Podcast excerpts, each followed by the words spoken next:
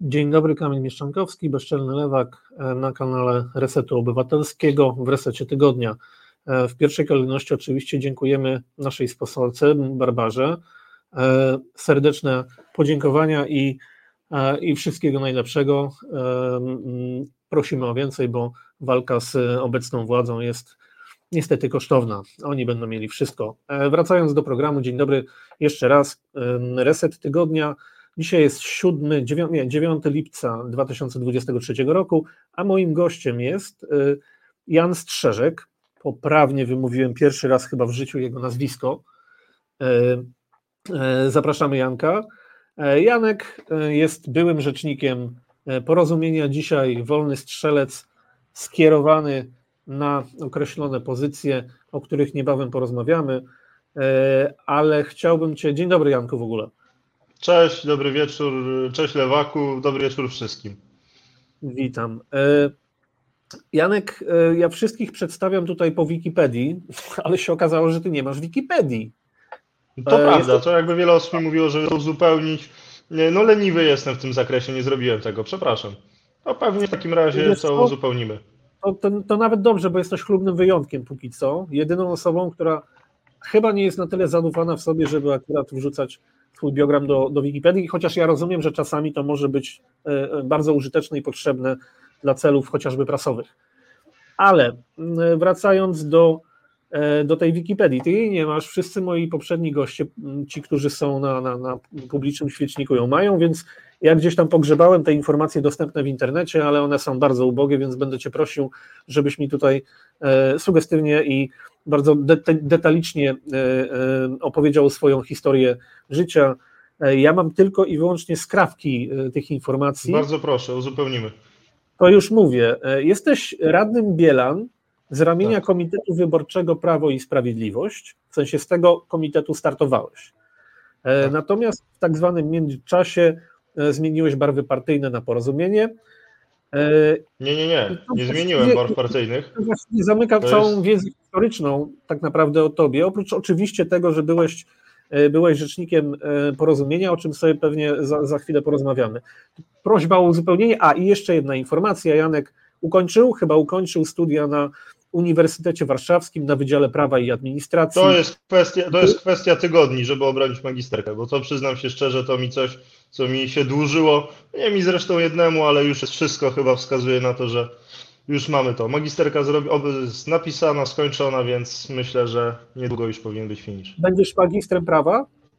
No, na to, no tak, no, bo w studiach prawniczych to ciężko, żeby było inaczej. W wieku 27 lat. Gratulujemy. No to Wiem, zdarza się nawet najlepszym. mi, się, mi się zdarzyło przeciągnąć podyplomowy o rok. Więc, nie, więc ja tutaj nie rzucam pierwszy kamieniem, także. E, no to prośba o resztę, tak? No bo ja już tak naprawdę nic o tobie nie wiem. Wiem, że urodziłeś się w 96 roku. No mogłem być, jakbym się dobrze postarał, to chyba twoim ojcem. To jest dla mnie w ogóle niesamowite, że już jestem taki stary oczywiście. E, ale powiedz mi e, tak naprawdę, co się stało w momencie mm, Twojego rozejścia się, bo rozumiem, że Prawo i Sprawiedliwość to, było, to była partia, z którą Ty zaczynałeś. Co było powodem nie. rozejścia i co do, do porozumienia? Nigdy nie byłem członkiem PiSu.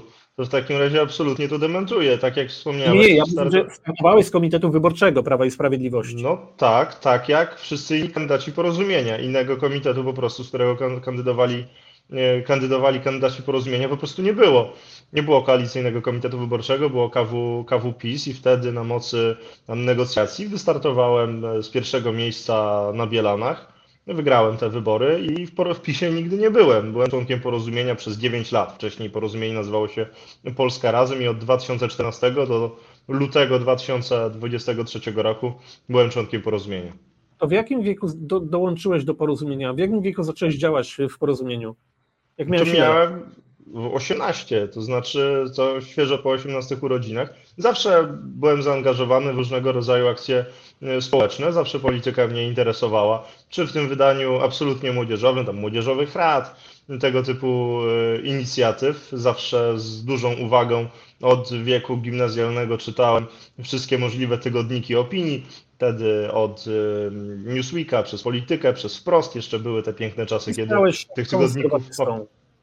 Nie słyszę, bo jak mówimy razem, to nie słyszę. Stałeś się konserwatystą. E, jak stałem się, czy... czy nie, to, to... czytając wszystkie tygodniki, które miałeś dostępne, wyciągnąłeś z nich tylko konserwatyzm.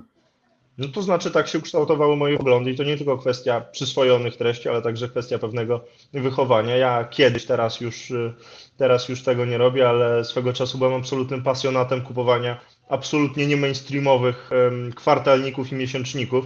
To pamiętam, że kupowało się Frondę, kupowało się Nigdy Więcej, było takie zresztą związane z tym stowarzyszeniem Nigdy Więcej.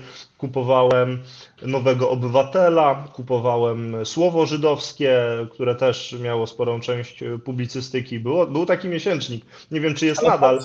Po co to kupowałeś? Po to, żeby poznać maksymalnie wiele różnych poglądów na na bieżącą sytuację, po to, żeby nie zamykać się w jakiejś swojej bańce, tylko żeby poznać maksymalnie wiele perspektyw na jedną sytuację. No, jeżeli się Logiczne. patrzy tylko z jednej strony, to można bardzo wielu rzeczy nie zauważyć.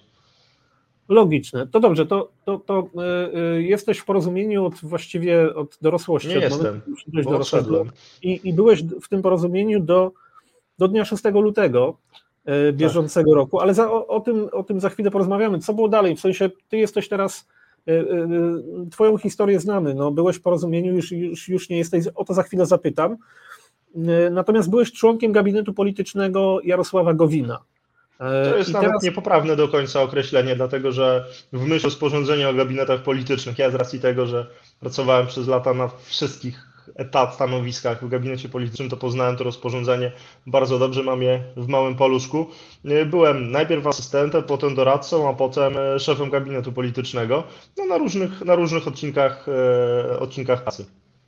Dobra, a powiedz mi, bo ja jestem bardzo ciekawy, co robi gabinet polityczny, bo tak naprawdę mówimy o tym od dłuższego czasu. Były awantury związane z zatrudnianiem tam jakichś młodych ludzi za jakieś, no co prawda nie, niezbyt lukratywne pieniądze, ale zawsze E, większe niż e, ich rówieśnicy gdzieś na rynku mogliby zdobyć. Co się robi w gabinecie politycznym tak naprawdę?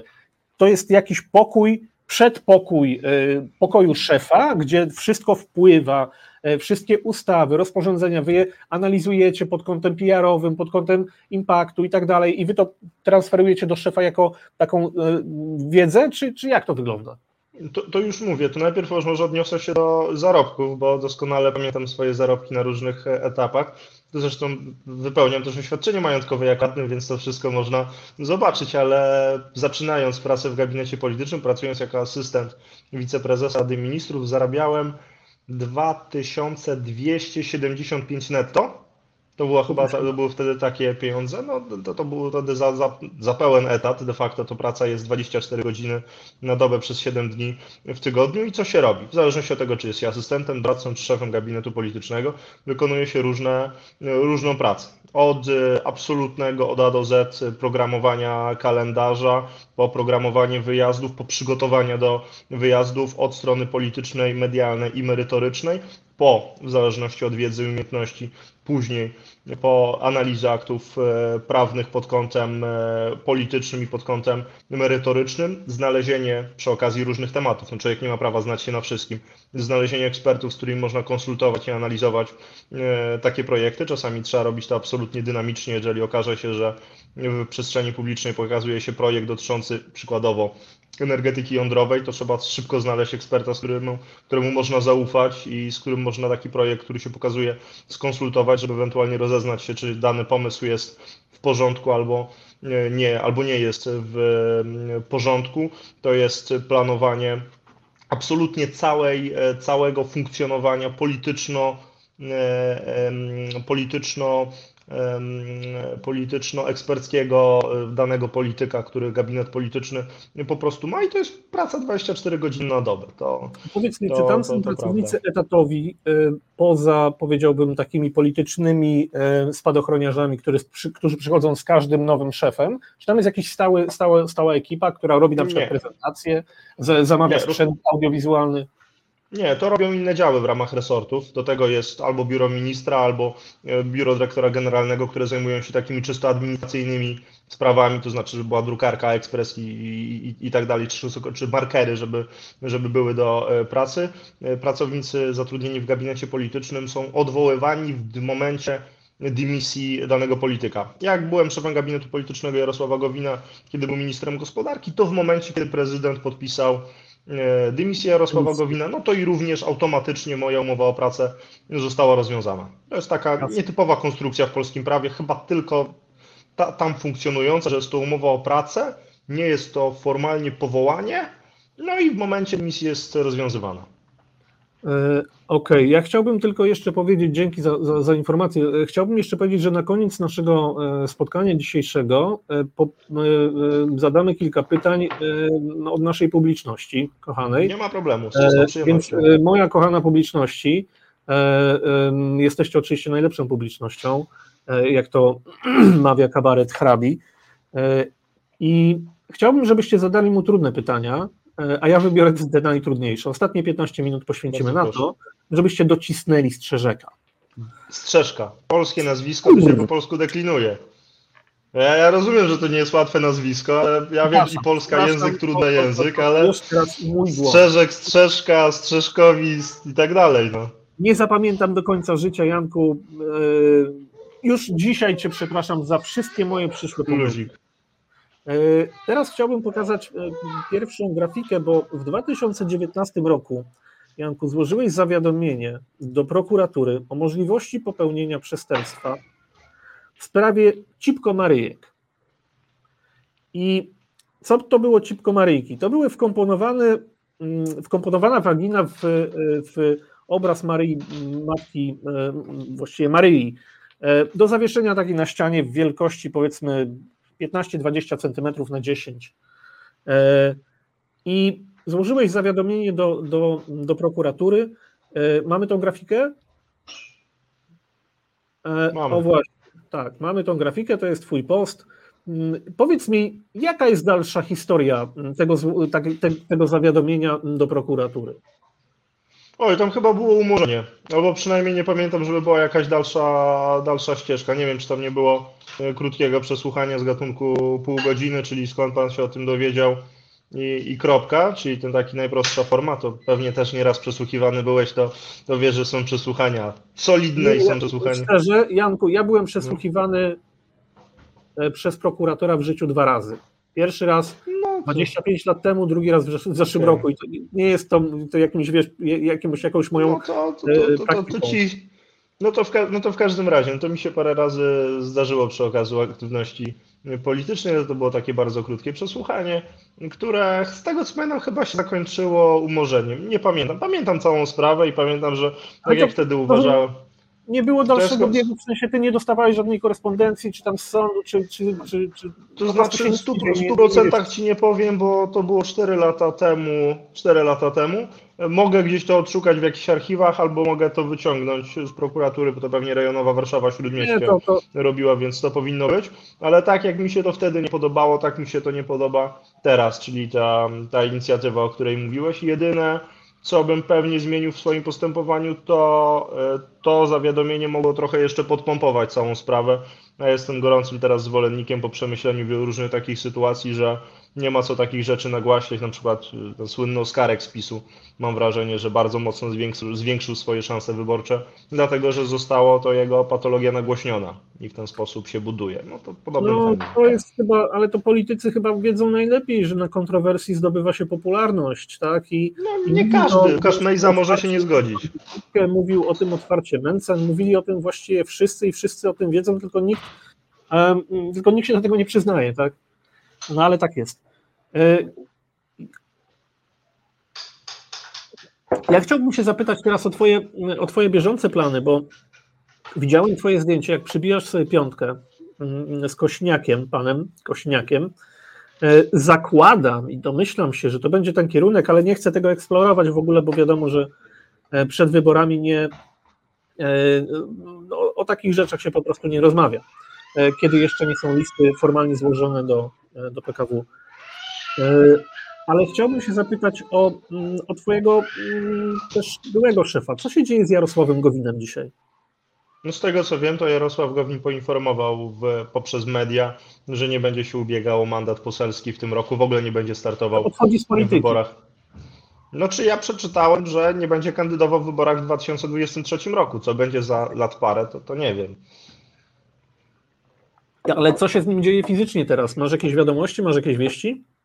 To znaczy, jakby nie jestem stróżem kalendarza, ani nie Wiem. mam lokalizacji Jarosława Gowina Ale w telefonie Co takiej Gdzieś ambicji. zawodowo, czy się gdzieś odnalazł, czy, czy... Znaczy tego co wiem, to jest dalej posłem i do jesieni tego roku dalej posłem będzie, więc skoro w 2019 roku Polacy mu powierzyli mandat e, posła, no to do jesieni na pewno będzie go sprawował. To A jest absolutnie to- rzecz pewna. Bierze udział w głosowaniach? Bo ja nie, znaczy aż tak, Tak, tak, nie tak, śledzę. tak, tak. No jest, jest obecny z tego co wiem na, na głosowaniach, tak. No jakby taka też jest rola posła. No nie ma żadnych przesłanek do tego, żeby on albo którykolwiek inny poseł e, nie brał udziału w głosowaniach, czy w ogóle w obradach Sejmu. E, Chciałem teraz poprosić o kolejne grafiki, bo widzisz, ja znalazłem taki twój profil e, w, na Facebooku. E, Twój profil, e, w którym no, promowałeś się. To jest profil otwarty oczywiście, bo.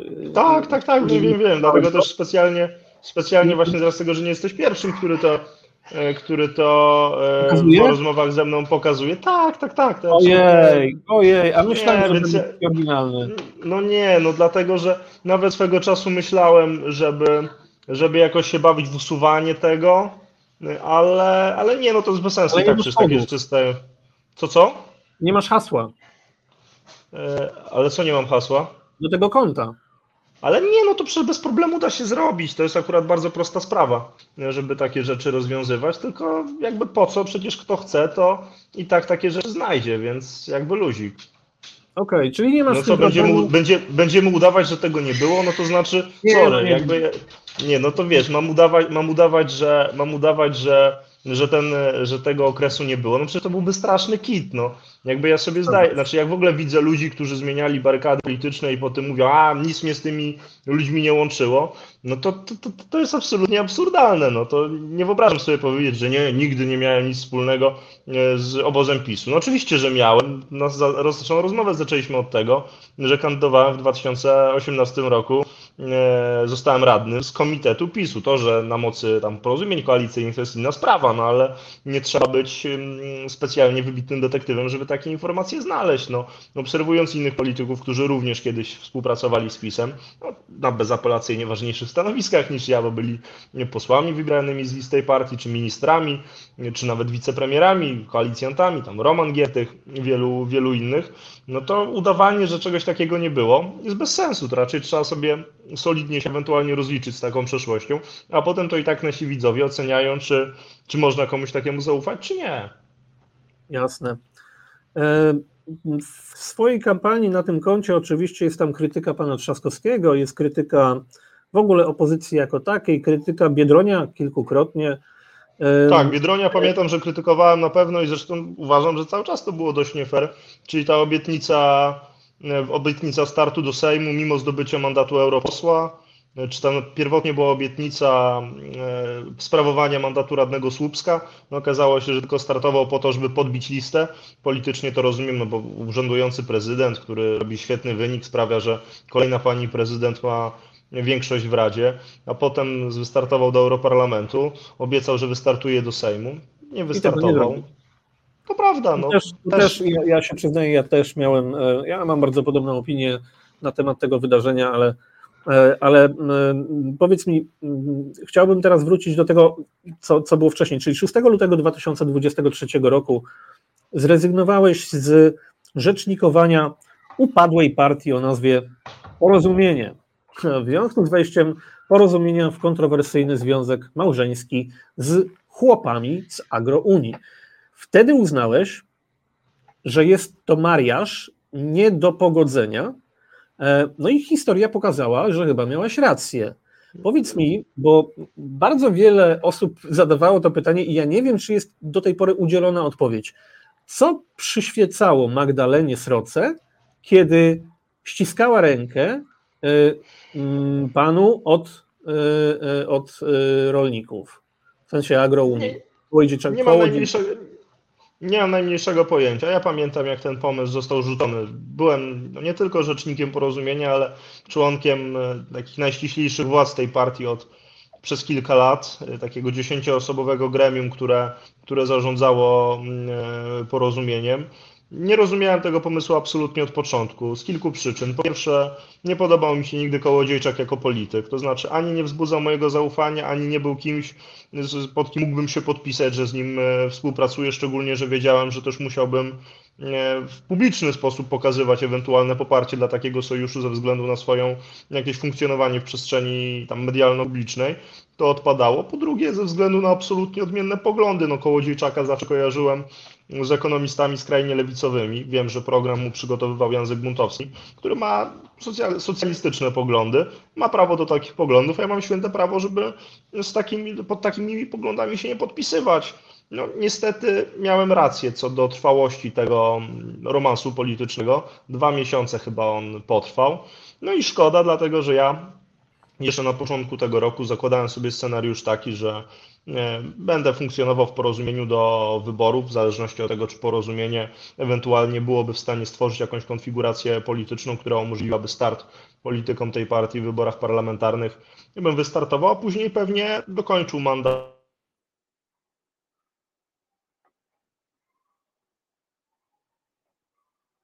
E, zobaczymy. Wyszło jak wyszło, to znaczy ten sojusz e, z Unią został zawiązany. Szkoda. E, rozumiem, że na dzisiaj pan Gowin jest twoim byłym szefem, natomiast ja myślę, że masz do niego dosyć sporo sentymentu. Czy nie żal ci tego, że odchodzi, z, że nie będzie kandydował? Czy, czy uważasz, że, znaczy, że ja... miałby gdzieś szansę na przykład jako senator niezależny? Wybory do Senatu są o tyle trudne, że są w Jowie, więc e, podejrzewam, że wielu e, nawet bardzo popularnych polityków miałoby problem, żeby w tak powiem obcym e, politycznie okręgu wygrać. Oczywiście lubię Gowina, pracowałem z nim przez wiele lat, cenię go jako osobę bardzo, jako polityka również. Byłem świadkiem bardzo wielu procesów decyzyjnych i miałem okazję z bliska zobaczyć kilka naprawdę bardzo bardzo ciekawych i ważnych z punktu widzenia Polski rzeczy, bo obserwowałem z bliska i co, co? Na przykład? No, obserwowałem z bliska cały proces, w jaki sposób e, PiS próbował przeforsować wybory kopertowe, w jaki sposób udało się to zablokować. Widziałem no, wiele sytuacji, które, które pokazywały mi, jak Jarosław Kaczyński jest w stanie łamać ludzi. Widziałem też proces e, rozbierania porozumienia przez PiS w 2021 roku. Pamiętam całą aferę z Bielanem, pamiętam moment wychodzenia z rządu.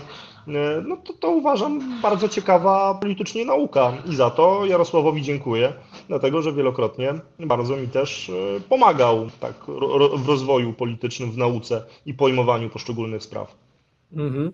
E, E, powiedz mi jeszcze, wracając do, do Magdaleny Sroki, bo e, ja chciałbym, być może jest to niemożliwe, ale chciał, chciałbym wydusić od ciebie trochę szczegółów, bo e, wszyscy mówią, że to ona po prostu rzuciła ten, ten pomysł na, rozumiem, że na jakimś spotkaniu wewnętrznym, tak? No, jest, było, było prezydium, czyli takie najwęższe grono zarządzające partią. I, I nikt nigdy i nikt nigdy z Was nie słyszał tego pomysłu. Ona przyszła, usiadła i powiedziała: Mam pomysł na, na małżeństwo e, z chłopami. To znaczy, tak to wyglądało? E, wie, wiesz, e, ja nie mam w zwyczaju wywlekać ewentualnych starych brudów, bo to byłoby nieeleganckie wobec koleżeństwa. No słuchaj, prawie dekadę z nimi współpracowałem, no to nie będę teraz wywlekał absolutnie całej kuchni, szczególnie, że ja tych ludzi po prostu lubię. Nie, nie potrzebujemy kuchni, tylko powiedz mi tak naprawdę coś, coś więcej, bo każdy z nas chciałby przynajmniej tych, którzy się interesują polityką, zrozumieć, co stanęło, co legło u podstaw tego związku. Ale ja też bym chciał. Ja też bym chciał, bo ja tego absolutnie nie rozumiałem. To znaczy, ja od początku definiowałem, jak tylko usłyszałem, mogę powiedzieć z mojej perspektywy, jak tylko usłyszałem pomysł na współpracę z Unią, zadałem sobie i też na zewnątrz kilka pytań, takich absolutnie naturalnych z punktu widzenia technologii politycznej. To znaczy, jak jest projekt, to dla kogo, za co, po co jak to się spina i na żadne z tych pytań nie byłem w stanie e, znaleźć ani uzyskać odpowiedzi. Uważałem Ale... także, że dla takiego ja że rozumiem, takiego... że Magdalena, no. Magdalena Sroka udzielała tych odpowiedzi, tylko one nie były na tyle przekonywujące, tak? To znaczy, ja też absolutnie rozumiem. Każdy lider ma prawo do tego, żeby wysłuchać zdania, a potem ma prawo podjąć swoją decyzję, bo to lider de facto odpowiada za poszczególne decyzje. Tak. I nie może być potem tak, że lider powie, no sorry, ale wy mi źle doradziliście. Nie, lider finalnie podejmuje decyzję, może korzystać z podpowiedzi współpracowników, ale lider podpowiada, lider de facto finalnie decyduje. Jeżeli lider podejmuje jakąś decyzję, okej, okay, ma do tego prawo, później historia go osądza. Okej, okay. czyli nic nie powiesz. Nie, to znaczy, wiesz, no, jakby ja zdaję sobie sprawę, że to szalenie interesujące, ale uważam, że to byłoby po prostu nie fair wobec koleżanek i kolegów z porozumienia. Wiesz, to mi bardziej chodziło o to, żeby, żeby znaleźć jakąkolwiek odpowiedź e, na to, co się wydarzyło, bo nie, pytam, bo, bo chciałbym zrozumieć proces decyzyjny, który za tym stał i w, czy w ogóle jakieś dyskusje na ten temat nie, były. Nie, to znaczy oczywiście dyskusje, dyskusje, znaczy, to już powiem, dyskusje oczywiście były, były głosowania, zarówno na prezydium, jak i na zarządzie. To też jest wiedza, która jest dostępna w przestrzeni medialnej. Ja e, na prezydium nie poparłem tego projektu.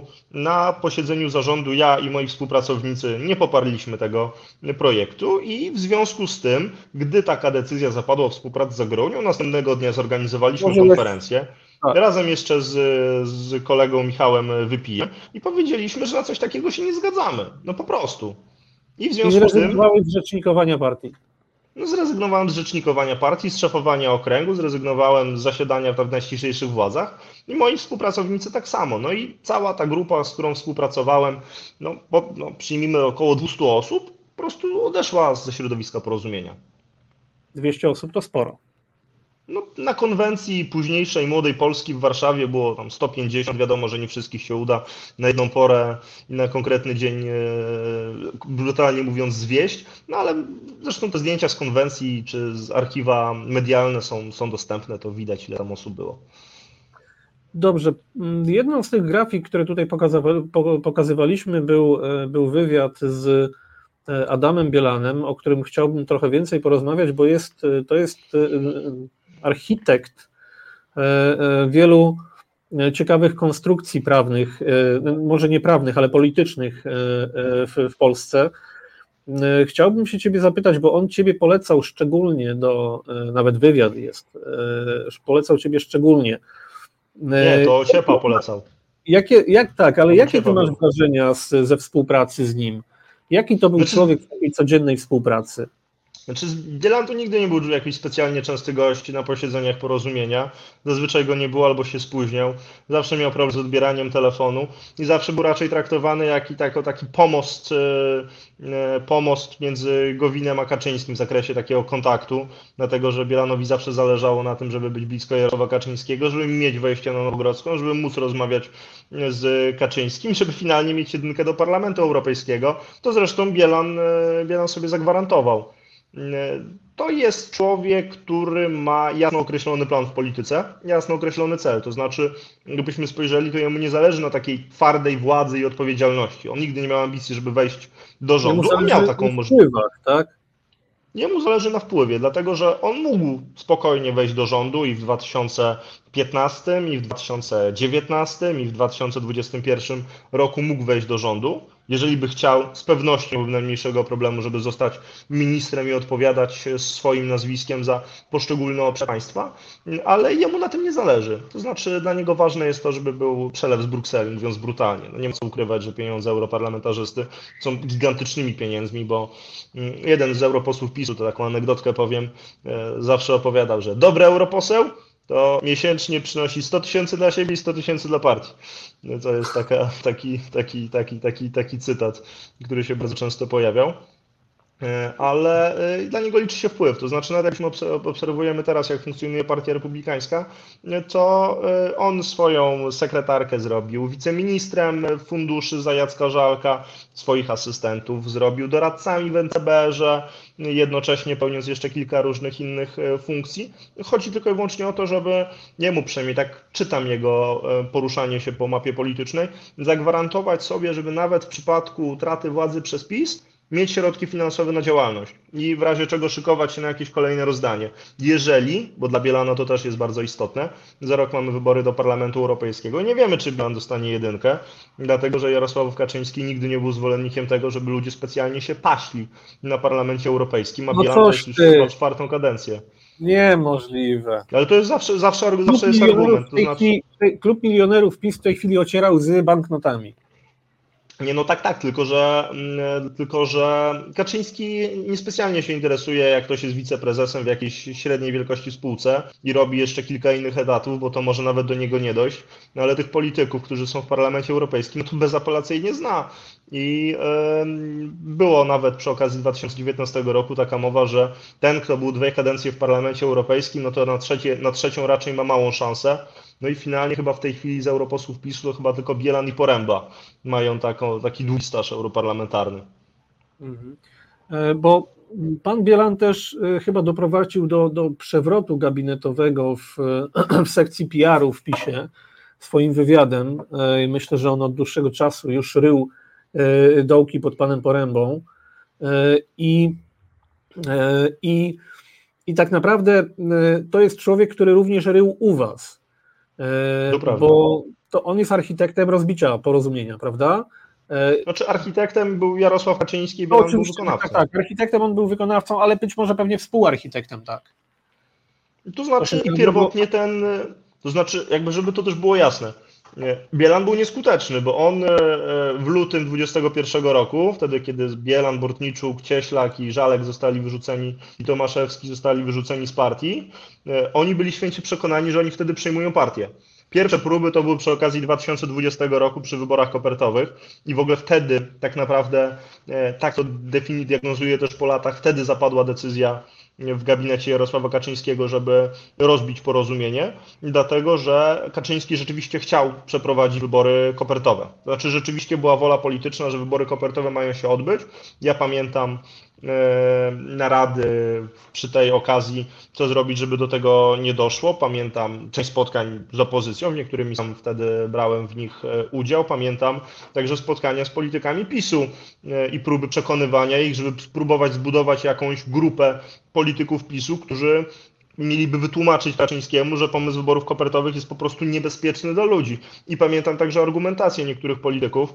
E, musisz mi wybaczyć, że nie rzucę nazwisk, bo, bo e, muszę, bo to jest po prostu procesowe, a, a słowo powiedziane podczas spotkania, no ciężko się potem w sądzie, w sądzie obroni, bo trzeba byłoby prosić ludzi, którzy mi teraz o nich współpracują, bo również odeszli z porozumienia, żeby, żeby, żeby złożyć. No, no właśnie, co byłoby ciężkie, ale y, niektórzy wprost mówili, że to, że umrze trochę więcej osób jest mniej y, bolesne niż to, że Duda mógłby nie wygrać drugiej kadencji.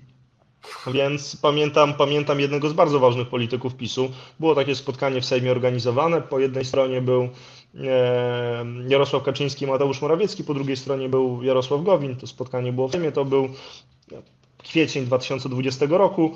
E, ja pamiętam, że razem z jednym z bardzo ważnych polityków PiSu siedzieliśmy pod, e, kolokwialnie mówiąc, pod drzwiami, bo tam mieliśmy potem dalej iść. On z Kaczyńskim, ja, ja z Gowinem. Pamiętam jak pytałem, a to naprawdę ważny polityk pełniący funkcję ministerialną. Jak go spytałem po imieniu, słuchaj, naprawdę uważa, że te wybory da się zrobić? On mówi, no co, no najwyżej wojsko wybory przeprowadzi razem z pocztą i gdzie problem? Ja mówię, ale nie uważa, że to będzie jednak trochę problematyczne, jak absolutnie cały świat będzie oglądał pocztowców ramię w ramię z żołnierzami roznoszącymi e, karty do głosowania? Nie, gdzie problem?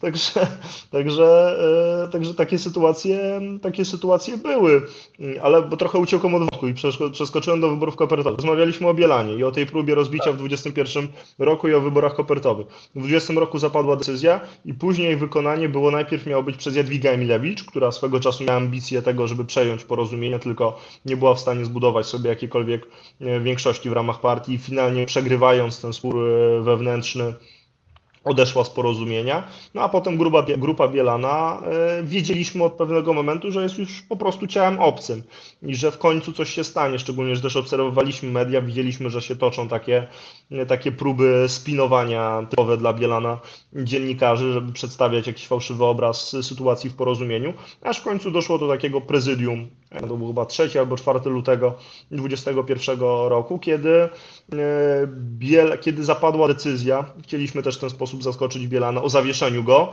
Bielan wtedy wpadł w absolutny szał. To był amok. Bielan, który raczej w mediach jest politykiem dość spokojnym. Pamiętam, że podczas tego zdalnego e, prezydium krzyczał, wyzywał, groził prokuraturą, groził, że zniszczy ludzi E, no, absolutnie pełen wachlarz bo, e, szaleństwa. Janek, bo on miał, już, on, on miał już gotowy plan, a wyście mu go... To znaczy, tak, tak, tak, to znaczy otóż to i wtedy Bielan został zawieszony, następnego dnia też e, zawieszony i wyrzucony został Bortniczuk i zaczęła się taka przepychanka w mediach, gdzie Bielan mówił, że to on jest prawdziwym Gowinem. Zresztą nasi widzowie pewnie obserwowali, że dwa albo trzy tygodnie był to jednak temat numer jeden, dlatego że porozumienie cały czas decydowało o większości rządowej, wtedy od razu PiS, PiS chcąc sprawdzić swoją większość, zaproponował wtedy podatek od mediów. E, my jeszcze jako porozumienie, gdybym w porozumieniu wtedy e, powiedzieliśmy twardo, że nie ma na to zgody i w ten sposób Kaczyński też zobaczył, że e, bez nas nie ma większości. Więc wtedy ten plan się nie powiódł. On się powiódł tak naprawdę i to nie dzięki Bielanowi, ale przy wyjściu z rządu, dlatego że Marcin Ociepa wtedy zmontował taką grupę, która chciała zostać w PiSie, która nie lubiła się z Bielanem, która została. Tak? Po prostu. No Więc tak. Bielan nie okazał się skuteczny. To nie dzięki Bielanowi, a mimo Bielana udało się e, po prostu porozumienie porozkradać. No dobrze, a co mógłbyś powiedzieć jeszcze o panu Bielanie, czego, o panu Bielanie, czego jeszcze wcześniej nie mówiłeś publicznie? E, Bielan. Pamiętam właśnie tę sytuację, kiedy go zawieszaliśmy. E, bardzo nie trzymający nerwów i bardzo był wtedy bardzo niepewny siebie. Znaczy, jeżeli ty albo nasi widzowie kojarzą Bilana jako postać polityczną z mediów, to on się wydaje dość opanowany, dość spokojny, bardzo. nawet przy okazji zadymy z NCBR-em, bardzo próbując obudować swoje racje dość w jego mniemaniu racjonalnie. Wtedy pamiętam, że był absolutnie przerażony do tego stopnia, że wtedy medialnie ja prowadziłem taki konflikt e, z nim. Gowin nie wypowiadał się na temat Wielana, ja się wypowiadałem e, takimi mocnymi mocnymi tezami w stronę Bielana. Bielan podłapał to i odpowiadał mi, e, ale pamiętam właśnie, że Bielan w pewnym momencie nawet bał się robić, wiem, że się bał, bo takie informacje tam doszły, konferencje prasowe, bo wiedział, że ja po prostu na nich będę. E, że gdziekolwiek e, Bielan zwoła konferencję prasową, to po prostu ja tam przyjadę, muszę jakoś poinformować media. No, a miałem takie pewne przekonanie, że i ja się o tym dowiem, więc bał się bardzo takiej bezpośredniej konfrontacji. Nie radzi sobie z presją. I też druga rzecz bardzo ważna o Bielanie to absolutnie zdradza wszystkich współpracowników po kolei. To znaczy, gdy tylko pojawi się jakiś problem, Bielan automatycznie go nie zna.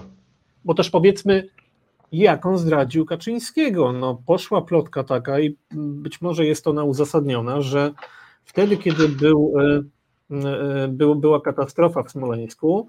E, oni go, mm, w sensie mm, sztab polityczny cały, który prowadził kampanię, bo wtedy była kampania na prezydenta, którą wygrał Bronek, oni go faszerowali proszkami i tak naprawdę chcieli dziadka odstawić na boczny tor i przejąć partię.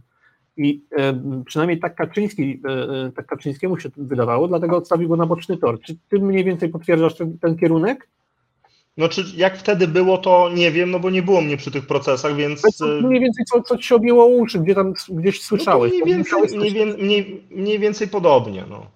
Okej, okay. no, no to dobrze. Tak to... jak słyszę, to trafny. No mógłbym, mógłbym trochę podpytać, dlatego że no, tak jak mam cały czas kontakt z różnymi politykami PiSu. Tak jak będąc w obozie rządowym miałem bardzo dobry kontakt i cały czas mam z politykami opozycji ze wszystkich e, partii. No, my też zresztą, tak jak e, mieliśmy okazję, pamiętam w ogóle ostatnio mi się przypomniało, kiedy pierwszy raz mieliśmy jakąkolwiek interakcję.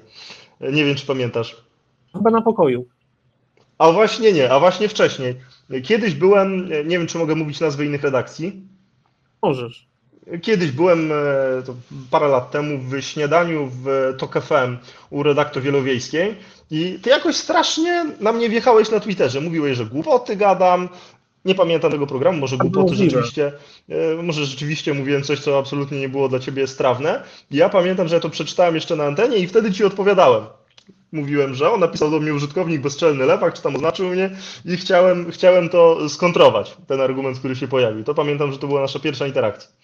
Okej, okay, no to, to, to, ja jej nawet nie zarejestrowałem, bo ja nie słucham tego FM, ale e, i, i, nie dotarła do mnie, ale, e, ale ja pamiętam też nasze rozmowy na Twitterze i generalnie e, to, że jesteś wyluzowany, to, to spowodowało, że, że jakoś się trawię z twoimi poglądami. Dziękuję chyba. No, ja, dobrze ci idzie, no, nie będę ci tu chwalił i, i wychwalał, bo byłeś w obozie, który, który godny potępienia jest i godny hańby i rozliczenia do, do każdej złotówki e, i, i do każdej skrzywdzonej osoby. E, ale Ja rozumiem, że teraz w październiku będziesz kandydował. Zobaczymy. Ja od początku, gdy zresztą to też mogę uczciwie powiedzieć, Chcesz kandydować. chcąc, chcę, tak, i to mówię wprost, chcę kandydować w jesiennych wyborach, chcę dorzucić swoją cegiełkę e, do pokonania PiSu. Uważam, że jestem, no, mam wewnętrznie taką potrzebę, chcę to zrobić, niezależnie od tego, czy mój event... Co, co? Chcesz odpokutować. E, Uważam, e, znaczy inaczej. Ja, i to mogę powiedzieć, w 2015 roku naprawdę mocno liczyłem, że PiS będzie taką centroeuropejską prawicą. Że wtedy pamiętam, miałem naprawdę spore oczekiwania wobec Morawieckiego, który wydawał się gościem z biznesu, wydawał się wtedy całkiem sensownym, trochę taki pasujący do platformy, dlatego że i przecież był doradcą, e, doradcą Tuska. E, I naprawdę byłem na początku bardzo mocno zaskoczony to, jaki, jaką wielką transformację ten gość przechodzi, żeby stać się taką bezideową masą, która tylko chce rządzić. E, Ale tak, chcę swoją cegiełkę dołożyć do zwycięstwa nad PiSem. Uważam, że wtedy będę fair wobec siebie i świata. Okej, czyli odkupisz swoje winy również wobec naszych widzów i, e, i, i nas. Ja chciałbym pokazać ostatnią grafikę, której ci do końca życia nie wybaczę. No dawaj. E, I to jest, i to jest, to jest grafika, w której napisałeś rzecz karygodną, nieakceptowalną, rzecz, którą, e, która, która, która jest po prostu no, no, jest krytyczna do cna, po prostu krytykuje cię za to. Napisałeś o Ogórkowej, że jest dziennikarką. Eee, No to prawda, to, to, to akurat, e, to znaczy, znaczy inaczej, nie, stop, stop, stop, to znaczy ja o tyle, e, tak jak oczywiście, no mam duże zarzuty do tego, jak działa TVP, ale w ogóle jakikolwiek atak fizyczny na kogokolwiek jest po prostu zły i godny potępienia, no jeżeli Ale by wiesz, że nawet atakowali, znaczy musiał, masz ten filmik, to weź go odpal, no. Nie, ale prościej, już no było bo- postępowanie sądowe, już przeszło to Tak? przez sąd, tam już wszystko Znaczy- zostało wyjaśnione, nie było żadnego ataku, To znaczy- ludzie zostali uniewinnieni. No to jak zostali uniewinnieni, to zmienia postać rzeczy, ale na, na, jako zasadę, niezależnie Ale- od poglądów, Cofnąłbyś No. te słowa o dziennikarce Magdalenie Ogórek. tak, Przepraszasz, tak? Nie, to znaczy, nie, nie, stop. Jakby. E, Dobra, nie wyduszę tego też. Nie, nie wyduszę tego z ciebie, ale chciałem bardzo. Ale, e, chcesz, chcesz usłyszeć, przepraszam za co? Za ten wpis? Nie, nie, nie, nie. No, Przerwałem wiesz, cię. żartuję, żartuję za, za nazwanie ją dziennikarką, bo ona się, ona, no, dziennikarką, umówmy się, nie jest. W TVP nie pracują dziennikarze. E, W redakcjach publicystycznych nie. W sensie w publicystyce politycznej rzeczywiście nie. Wiesz, innych nie oglądam, więc ciężko mi powiedzieć, co się dzieje, nie wiem, w TVP Sport. Czasem mecze oglądam, to jak komentarz jest, no to No ja mimo też, chcą zachować jakiś obiek, obiektywizm, nie wiem czy nie, Mateusz Borek nie komentuje w TVP Sport, to raczej do Borka nic nie mam i nie uważam, że jest jakimś pisowskim dziennikarzem. No. śmieszne, że o tym wspominasz, bo ja mi się przypomina na przykład y, y, mistrzostwa w Katarze, gdzie nie było tłumaczenia na, w, w, na live, tak? Było otwarcie z igrzysk, w sensie otwarcie z o, tych y, mistrzostw świata w piłce kopanej i i tam generalnie nie było, nie było tłumaczenia. Ktoś tam stał przy mikrofonie, jakiś król czy, czy inny, mm, czy inny, y, nie wiem, y, członek, członek rodziny królewskiej coś tam mówił, a nie było tłumaczenia, więc tam chyba też nie za dobrze się dzieje, nie, nie do końca grają. Ale teraz Nie chciałbym głos naszym widzom i chciałbym e, zadać kilka pytań, które oni zadali. E, Jeżeli moglibyśmy zobaczyć, Śmiało. czy są jakieś pytania. E, e, e, e, e, Szukamy teraz pytań. Miało być bez hamulców, więc jak już to na ostro. No dawaj, dobra. Pytanie. Jeśli tak zwana obraza uczuć religi- religijnych zostanie wycofana z porządku prawnego, czy pan Strzeżek wytoczy proces z powództwa cywilnego, jeśli się poczuje obrażony przy jakiejś okazji? Nie wiem, zależy od okazji.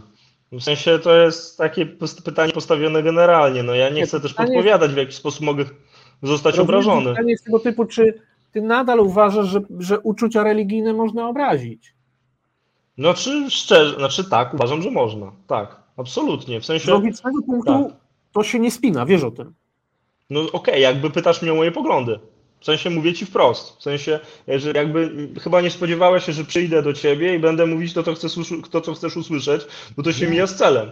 Jakby jestem, e, znasz moje poglądy, są całkiem no, są, uważam, umiarkowanie konserwatywne, jakbyśmy to sobie rozpisali na poglądy, ale nie ukrywam, że wkurza mnie A, wykorzystywanie Kościoła do celów politycznych przez PiS, czy w ogóle szeroko pojętą prawicę, ale B, wkurza mnie też atakowanie Kościoła absolutnie o wszystko. A nie wkurza cię pedofilia? Oczywiście, że mnie wkurza. Zresztą wypowiadałem się na ten temat. Każdego pedofila trzeba, no, powiedziałbym, brutalnie łamać, ale trzeba go skazać. Tak jest. Y, oczywiście żartuję. Nie namawiam do zabijania. Nie, no tak, ale no, y- uważam, że kary muszą być brutalne. W sensie za takie y- okropne przestępstwa, tak. Kolejne pytanie o Dani Gryty. Janku, z kim widzisz potencjalną możliwość koalicji waszego ugrupowania? Ja rozumiem, że ty ugrupowania jeszcze, znaczy jeszcze nie masz. masz Mam podmiot, Stowarzyszenie Młoda Polska. Tak, i, I, pytanie jest z kim? To znaczy ja to. Powiedziałem na początku naszego spotkania, tak? Przybiłeś na, rękę na konwencji, i...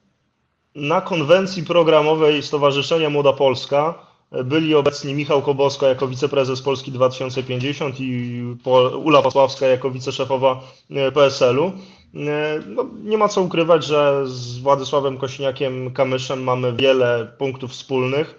Wczoraj także na jego zaproszenie byłem obecny razem z przyjaciółmi z Młodej Polski na spotkaniu właśnie liderów trzeciej drogi ze środowiskami młodych. No, jest, jest, widzę, widzę pewne pole do, do współpracy. Czyli bardziej z PSL-em niż z Hołownią. Z Władysławem Kośniakiem Kamyszem myślę, że, że, że to byłaby osoba, z którą, z którą chętnie bym współpracował, tak. Jasne. Powiedz mi kolejne pytanie. Miria pyta, czy przeczytał Pan książki Tomasza Piątka o pajęczynie i łowach Kaczyńskiego? Gości Pan w resecie obywatelskim, stąd moje pytanie. Czy czytałeś mm. książkę Tomasza Piątka? Nie, nie. Nie. Czyli obiecujesz, że czytałem, czytałem partię i spółki. To redaktor Jezus Maria. Przepraszam najmocniej. Redaktor. Jezu, nie chcę pomylić nazwiska ale mam na półce w domu. Partia spółki była niezła. Okej, okay. Kolejne pytanie mamy. Jeśli pan Strzeżek znajdzie się w partii rządzącej, jakie ma dwa najważniejsze postulaty do wprowadzenia? Co jest dla niego najważniejsze? Dwa. Ja bym chciał, żeby. Okej, okay, po pierwsze, chciałbym, żeby powstał realny program budownictwa społecznego, tak żeby rzeczywiście państwo było w stanie we współpracy z samorządami zbudować mieszkania. Zresztą stosowne, stosowne programy wielokrotnie ogłaszałem już w sferze publicznej, to uważam za absolutny priorytet, tak żeby młodzi ludzie było ich stać na to, żeby wynająć sobie e, mieszkanie. Druga sprawa to kwestia e, budowy akademików. Uważam, że w tej chwili kwestie dotyczące szkolnictwa wyższego i dostępności akademików są absolutnie na dramatycznie niskim poziomie, to jest e, do poprawy. I to z takich fundamentalnych rzeczy to są dwa priorytety, z mniejszych na przykład ustawa o imprezach masowych jest absolutnie, absolutnie do, do zmiany. A dlaczego? Bo ja akurat znam tę ustawę. Y, akurat dlatego, że ja jestem kibicem piłki nożnej jeżdżącej na, na, na wiele meczów. Y, nie jeżdżę w grupach wyjazdowych, chociażby dlatego, że obserwując to, jak się traktuje ludzi, którzy za własne pieniądze przejeżdżają setki kilometrów, żeby wspierać swoją drużynę, a traktuje się ich jak potencjalnych bandziorów, sorry, no nie podoba mi się to. Nieraz byłem no świadkiem sytuacji znaczy, jeżeli ktoś się zachowuje jak bandzior, no to niech będzie traktowany jak bandzior, ale, ale tylko dlatego, że ktoś jedzie kibicować jakiemuś klubowi piłkarskiemu, to cała obsada policji, która jest też szalenie roga, jest absolutnie bez sensu. No Janku, zapracowaliście jako kibice sobie na, na taką reputację i yy, ja się, ja oczywiście nie pochwalam, bo ja uważam, że policja jest w dupie w XX wieku, zamiast płynnie przeskakiwać do kolejnego. E, i nie jest kompletnie przygotowana do dzisiejszych wyzwań. W ogóle nie publikują od 2016 roku statystyk zaufania do policji, e, bo jakoś chyba im nie po drodze z publikacją tych, tych e, danych. Mm, mamy pytanie dodatkowe o sprecyzowanie, czym są dla Ciebie uczucia religijne. No to, żeby stworzyć taką definicję legalną, to bym potrzebował chwilę czasu, żeby to ubrać w, pra w prawne... Ale dla Ciebie. Okej, okay, to znaczy łatwiej byłoby mi w tej stanie. O, wracając do początku naszej rozmowy, rozmawialiśmy o tej inicjatywie tej pani z Wrocławia, która. Nie chcę tego słowa wypowiadać, bo mi na pewno będą jej wycinali. I, to, ja i powiem, to ja od razu powiem cipko y, Maryjki. No tak, to znaczy dla mnie jest to, chodzi tylko o to, żeby zdenerwować katolików. Absolutnie. Jakby uważam, że to jest szczerze jedyny cel. No, tak, i uważam, że to jest absolutnie tylko po to, żeby kogoś obrazić. No przecież jest 100 tysięcy różnych innych możliwości na to, żeby zamanifestować swoje poglądy. Tutaj chodzi tylko o to, żeby uderzyć w inną grupę. No to, to, to, to pamiętam, pamiętam, że potem zareagował, e, zresztą też w podobnie głupawy sposób, e, Winnicki, który atakował środowiska LGBT, tylko po to, żeby im dowalić. No to się mija z celem, to jest psucie debaty publicznej. No wiesz, to jest polityka w ich wydaniu. Nie, no ja wiem, tylko że, tylko, że mi się, ja, ja mówię, że mi się to nie podoba. No. No jasne. Mamy jeszcze jakieś pytania?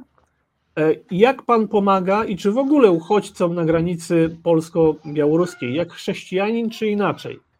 Nie, na granicy polsko-białoruskiej nigdy nie byłem. Na granicy polsko-ukraińskiej, gdzie są rzeczywiście uchodźcy, to znaczy uciekający z kraju ogarniętego wojną, dlatego że Przypomnę po raz setny, termin uchodźca dotyczy osoby, która ucieka z kraju ogarniętego wojną na pierwszy, na terytorium pierwszego, najbliższego kraju, które, które działaniami wojennymi objęty nie jest.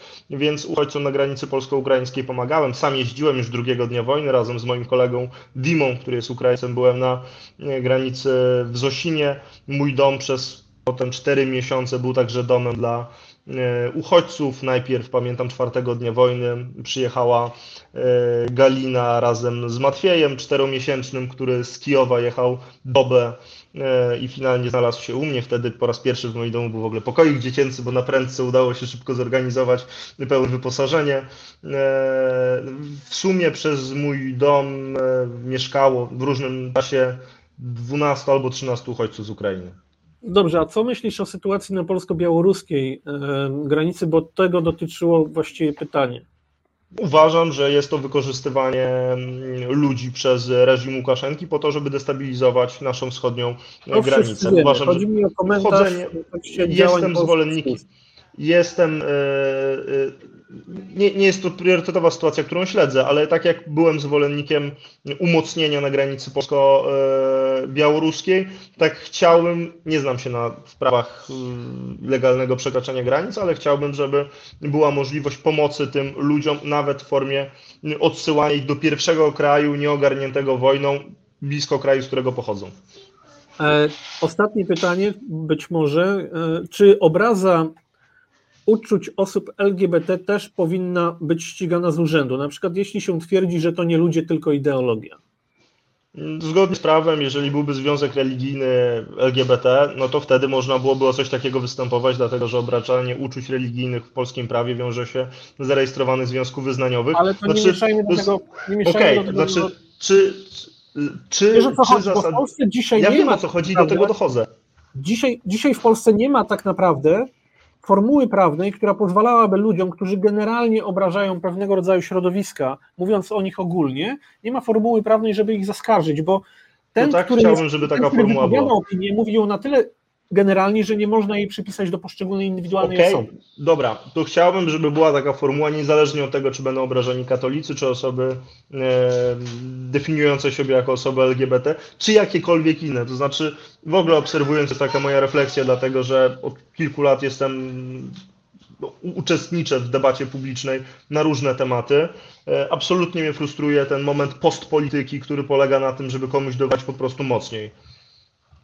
No, e, niestety dzisiaj mamy, dzisiaj mamy wojnę, nie mamy, nie mamy normalnego. No, jakby dzielę się e, swoją refleksją. Mamy normalnej, teraz... mamy normalnej rywalizacji politycznej. Dzisiaj mamy wojnę Wie... i niestety w warunkach wojny. Jakby... Pewne rzeczy Wiem, że sam nie zmienię reguł gry, ale mówię wprost, wkurza mnie, wkurza mnie e, no ta postpolityka, to znaczy, sorry, mało kogo interesują sprawy programowe, jak jest fajnie opakowane, ładnie powiedziane i mieści się w 15-sekundowym filmiku, to masz rację. No, Nuda. E, moim gościem dzisiaj w resecie tygodnia był Jan Strzeżek.